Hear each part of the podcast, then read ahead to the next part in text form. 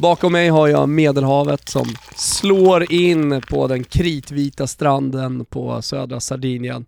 Där uppe står också två stycken iskalla Heineken 00 som vi ska njuta av efter att vi har spelat in eh, detta.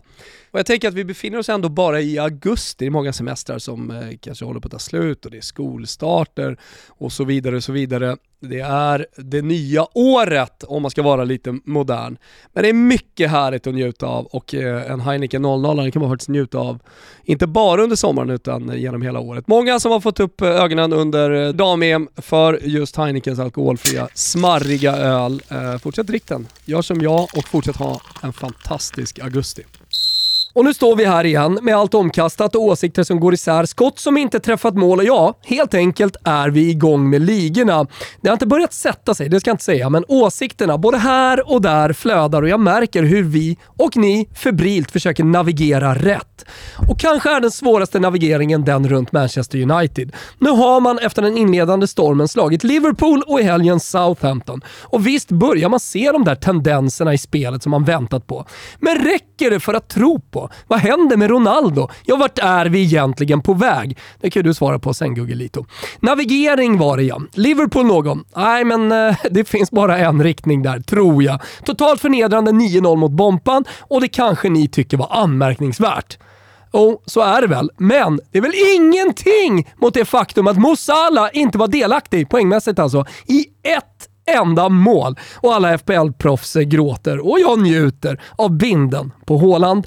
Från den positiva sidan tar vi med oss att Spurs ser fortsatt fina ut med en eh, lätt och ledig liten 2-0 mot Nottingham. Att Gerard fortsätter att lida med ny förlust hemma mot West Ham, var det positivt? Ja, kanske ändå. Arsenal Ja, okej, okay, nu satt det lite långt inne mot Fulham och Mitrovic hade sin alldeles egna lilla show. Men ny seger och ännu mer syre i de där redan fullpumpade lungorna. Styrkebesked även av Chelsea som vann 2-1 mot deppiga Leicester trots Gallagher utvisad från minut 28 och Sterling som segerorganisatör. Up to Chelsea! Gustav, up to Chelsea! Och så avslutningsvis då från England, hålet. Ah, jag går tillbaka till honom. Ghana Erling Braut från Norge. Upp i ensam majestät i skytteligan efter ett äkta hattrick och nu, ja nu, kommer han faktiskt aldrig släppa förbi någon. Kanske någonsin. Han är helt enkelt för bra och han spelar i ett för bra lag med en för bra tränare. Jaha, vad hände i Italien då? Jo, men vi kan ju inleda i omvänd kronologisk ordning och konstatera att jag var lite snett på överspelet i Fiorentina-Napoli. Även om det inte saknades chanser ska sägas. Mållöst och ingen skadad, ja förutom Spalletti då, som också bedrev ett eget litet krig med Fiorentina-supportrarna bakom bänken. Har du sett det? Nej. Ja, tar vi det sen. På tal om inga skadade så överlevde Lecce och Empoli efter lilla kvällskrysset. Gasperini tog en fin skalp i Isak Hiens Verona. Spezia och Sassuolo möts med ett kryss i en match som bland annat innehöll ett rött kort på Albin Ekdal. Karaktär! Jag tar det så. Det finns eh, mycket karaktär kvar i Albin.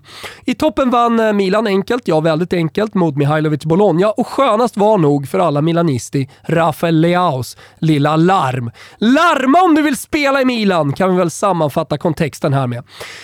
Så är ni med? För det antar jag att ni är. Avslutningsvis eh, från Italien då, skadade sig ingen i Turin, bildligt alltså, där alla var överens om att Juventus kanske borde fått med sig alla tre poäng. Och på tal om Romlag, Lazio, wow.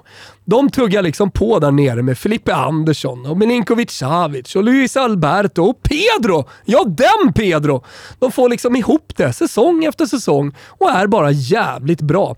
Kanske borde vi prata mer om Lazio all vid närmare eftertanke så pratar vi alldeles precis lagom om Lotitos lilla fotbollsprojekt. Imponerad är jag och imponerad ska alla vara. Det är också av Torino som nu står på sju. Ja, sju poäng! Ivan Djuric, toppgubbe.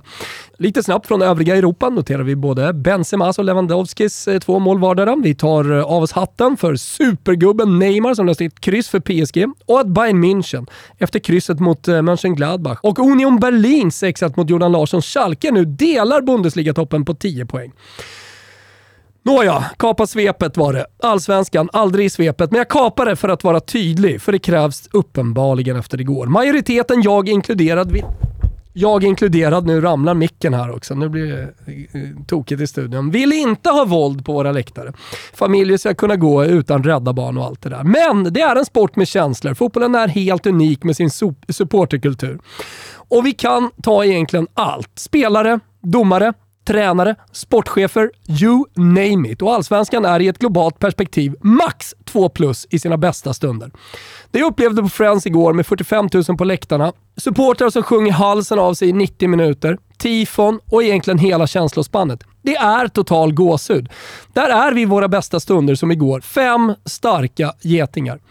Det är inte bra, men jag accepterar att det rinner över för några unga killar ibland. Man behöver inte göra det, men man måste förstå att det kan hända. Man måste också sätta brottet i relation till all annan jävla skit som händer i vårt samhälle. Till vad supporterkulturen, som till viss del kan vara våldsbejakande, också ger den svenska fotbollen.